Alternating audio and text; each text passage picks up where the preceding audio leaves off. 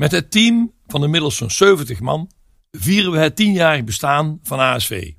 Met een bezoek aan Berlijn. Wat een tijden.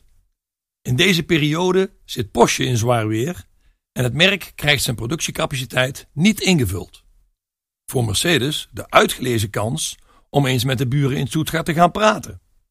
Mercedes wil een snelle variant van de E-klasse bouwen en daarvoor de 5 liter 8-cilinder uit de SL in de 1-klasse lepelen, iets wat in eerste instantie niet past.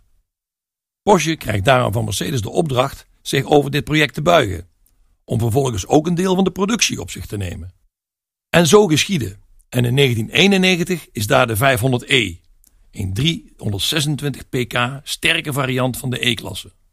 En om de achtcilinder passend te maken, wordt de spoorbreedte van de E-klasse door Porsche verbreed en de wielkasten uitgeklopt. Het productieproces van de 500 is een complexe samenwerking. Mercedes produceert de bodypanelen en Porsche assembleert deze.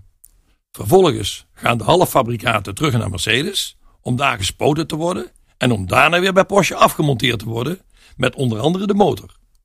De productie van één 500e duurt 18 dagen, maar is een echte win-win situatie. Mercedes heeft een snelle sedan en Porsche heeft extra werk en inkomsten.